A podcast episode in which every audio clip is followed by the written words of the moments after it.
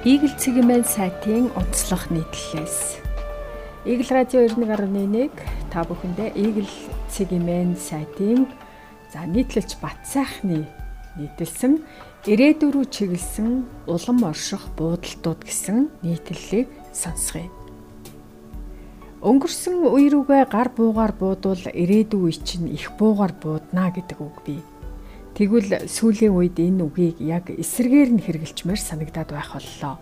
Ирээдүрүүгээ гар буугаар буудвал эргээд их буугаар буудна гэж ардчлал чөлөө төрсөлдөөнд эдийн засаг жилжсэний дараа эцэг эхчүүд нэг хэсэг мөнгөний төлөө ларцгаасан. Үр дүндээ мөнгөний үн цэнийг ойлгодог хүч чадлыг нь мэдэрдэг нэгэн үеийнхэн өсч үндэлөө. Олох аргыг нь зөв заагаад өгчвөл энэ үеийнхэн Монгол улсын гол баялаг ардчлалын бий болгосон бас нэг давуу тал мөн үү гэвэл мөн. Гэтэл мөнгөний үнцнийг ойлгож эд ажиллаж хөдөлмөрлөх хэд үед нь мөнгө олох хамгийн амархан арга бол улс төр улс төрийн нам бараадах явдал юм а гэсэн ил талд сурталчилгаа өргөн дэлгэр явагдаад байвал юу болох вэ? Одоогийн тусгаар тогтносон Монгол улсыг бий болгоход онцгой гавья байгуулсан гавьяатай Сүхбаатар, Чой басан гутаа хаян нэг хэсэг Монголд өрнж байлаа. Сүхбаатрыг мөрөөдөө тоглоомчин гэр бүлийн хүчирхийлэл үйлдэгч Чой Балсанг тэнмэл линсийн амтан байсан болгож харагдуулах гэсэн нийтлүүд өдөр тутмын том гэгдэх сонин хэвлэлүүдээр гарч байлаа. Одоо ирээдүйн үе рүү чиглэсэн далд синхруулэг сурталчилгаа явуулж байгааг харахаар энэ бүхэн баг залууст өнгөрсөн үеийг нь шившиглэж бахархалгүй болгоод намчин болгож хүмүүжүүлэх зохион байгуулалттай ажил байсан юм биш байгаа. Чой болсон гутаас нэгэн нийтлэлд чой болсон ер нь л хүнд гар байсан гэд ойлгочих хэрэгтэй гэх мэт үг хэллэг хэрэгснээс харахад яа харахгүй залуу олон улсын нэршлэр Зэт үе рүү чиглэсэн шинжтэй. Уншигч сонсогч танд далд сурталчилгаа гэж юу хэлээд байгаа юм бэ гэж асуулт төрж байж болох юм нам дагсан бүхэн албан тушаалд тавигдаж өнгөжж мөнгөжж байгаа нь өөрөө залуусыг нам шүтгч болгох далд сурталчилгаа гэж хэлэх гээд байна л да. Сая авилгатай тэмцэх газрын олон нийтийн зөвлөлд оруулсан хүмүүс хамгийн ойрын жишээ. Зөвлөлийн гишүүн цалингүй Гэвч тэр хүмүүс олон нийтэд нэр хүндтэй байх шалгуурт нь нийцэж байсан байж болно үгүйсэхгүй. Гэхдээ сонгуулийн үеэр нэг намыг элтэд дэмжиж сурталчилгаанд нь явж бүр зарим нь өөрсдөө улс төрийн намуудаас нэр дэвшсэн хүмүүс. Ийм хүмүүсийг оруулах нь зөв үлгэр дуурайл мөн үү?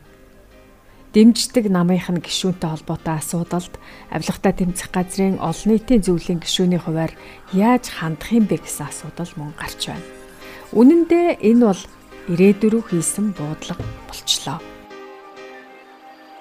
Жен Сет үеийнхэн бол асуудалд маш бодиттой ханддаг. Энэ нь нэг талаараа аюултай. Ерөнхийлөгчд нэр дэвшсэн инх баяр сургалтын төлбөрийг тэглэн элбэгдөрж оюутныг цалинтай болгоно гэж амлахад инх баяр ялбал аав ээжэд ашигтай элбэгдөрж ялбал надад ашигтай гэсэн дүгнэлтийг шууд хийсэн гэж байгаа. Монгол Ардын намын 60 тэрбумын дуйлаан дэгдэж миний бие бухимдахад Зэтүийн нэгэн төлөөлөл харин боломж юм биш үү бухимдахын оронд хідэн цаас хуримтлуулж нэг альбан тушаал олж аваач гэж зөвлөж байсан удаатай. Одоо үндсэндээ сонгуулийг эргүүлэх хүч энэ үеийнхэнд байна.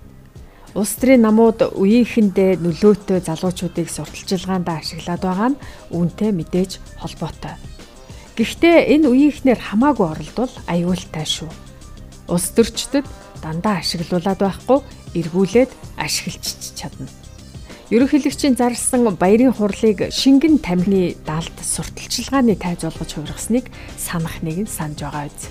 Одоо 10 жилийн ахлахангийн хүүхдүүд шингэн тамхи хэрэглэж солонгосын сүлжээ дэлгүүрт чөлөөтэй худалдан борлуулж байна.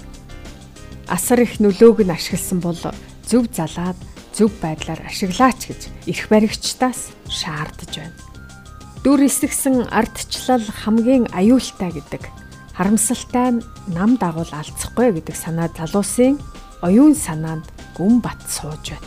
Илтгэл тавьдаг залуусын реалити шоу нэг телевизээр явсан. Одоо төрийн дунд чатанд илтгэл тавьж уран ярьдаг залуус ажиллаж байна. Тэглээгээд ажлын үр дүн ямар байгааг ард түмний амьдралаас харчих боломжтой. Ер нь ирээдүг рүү чиглэсэн аливаа буруу ажиллагаа эргээд төлөөсөө авч байдаг гэдгийг л эрх баригчид ойлгомоор байна. Одоо залуусыг архичин ажилгүй гэх тодорхойлолт дагах болсон энэ талаар ерөнхийлөгчийн төр хувийн хөвчлийн түншлэлийн уулзалтан дээр буянгийн гэгдэх жаргал сайхан энэ санааг нь точиг давтаж харин ч эрүүл саруул залуус эсэргүүцэж байгаа харагдлаа.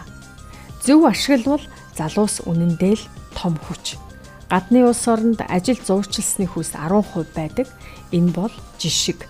Гэтэл яг одоо олон барилга дээр үндсэн ажилтан өдрийн 90 мянгаас 100 мянган төгрөг цагийн ажилтан өдрийн 50 мянган төгрөгөөр цалинжаад яг ижил ажил хийж байна.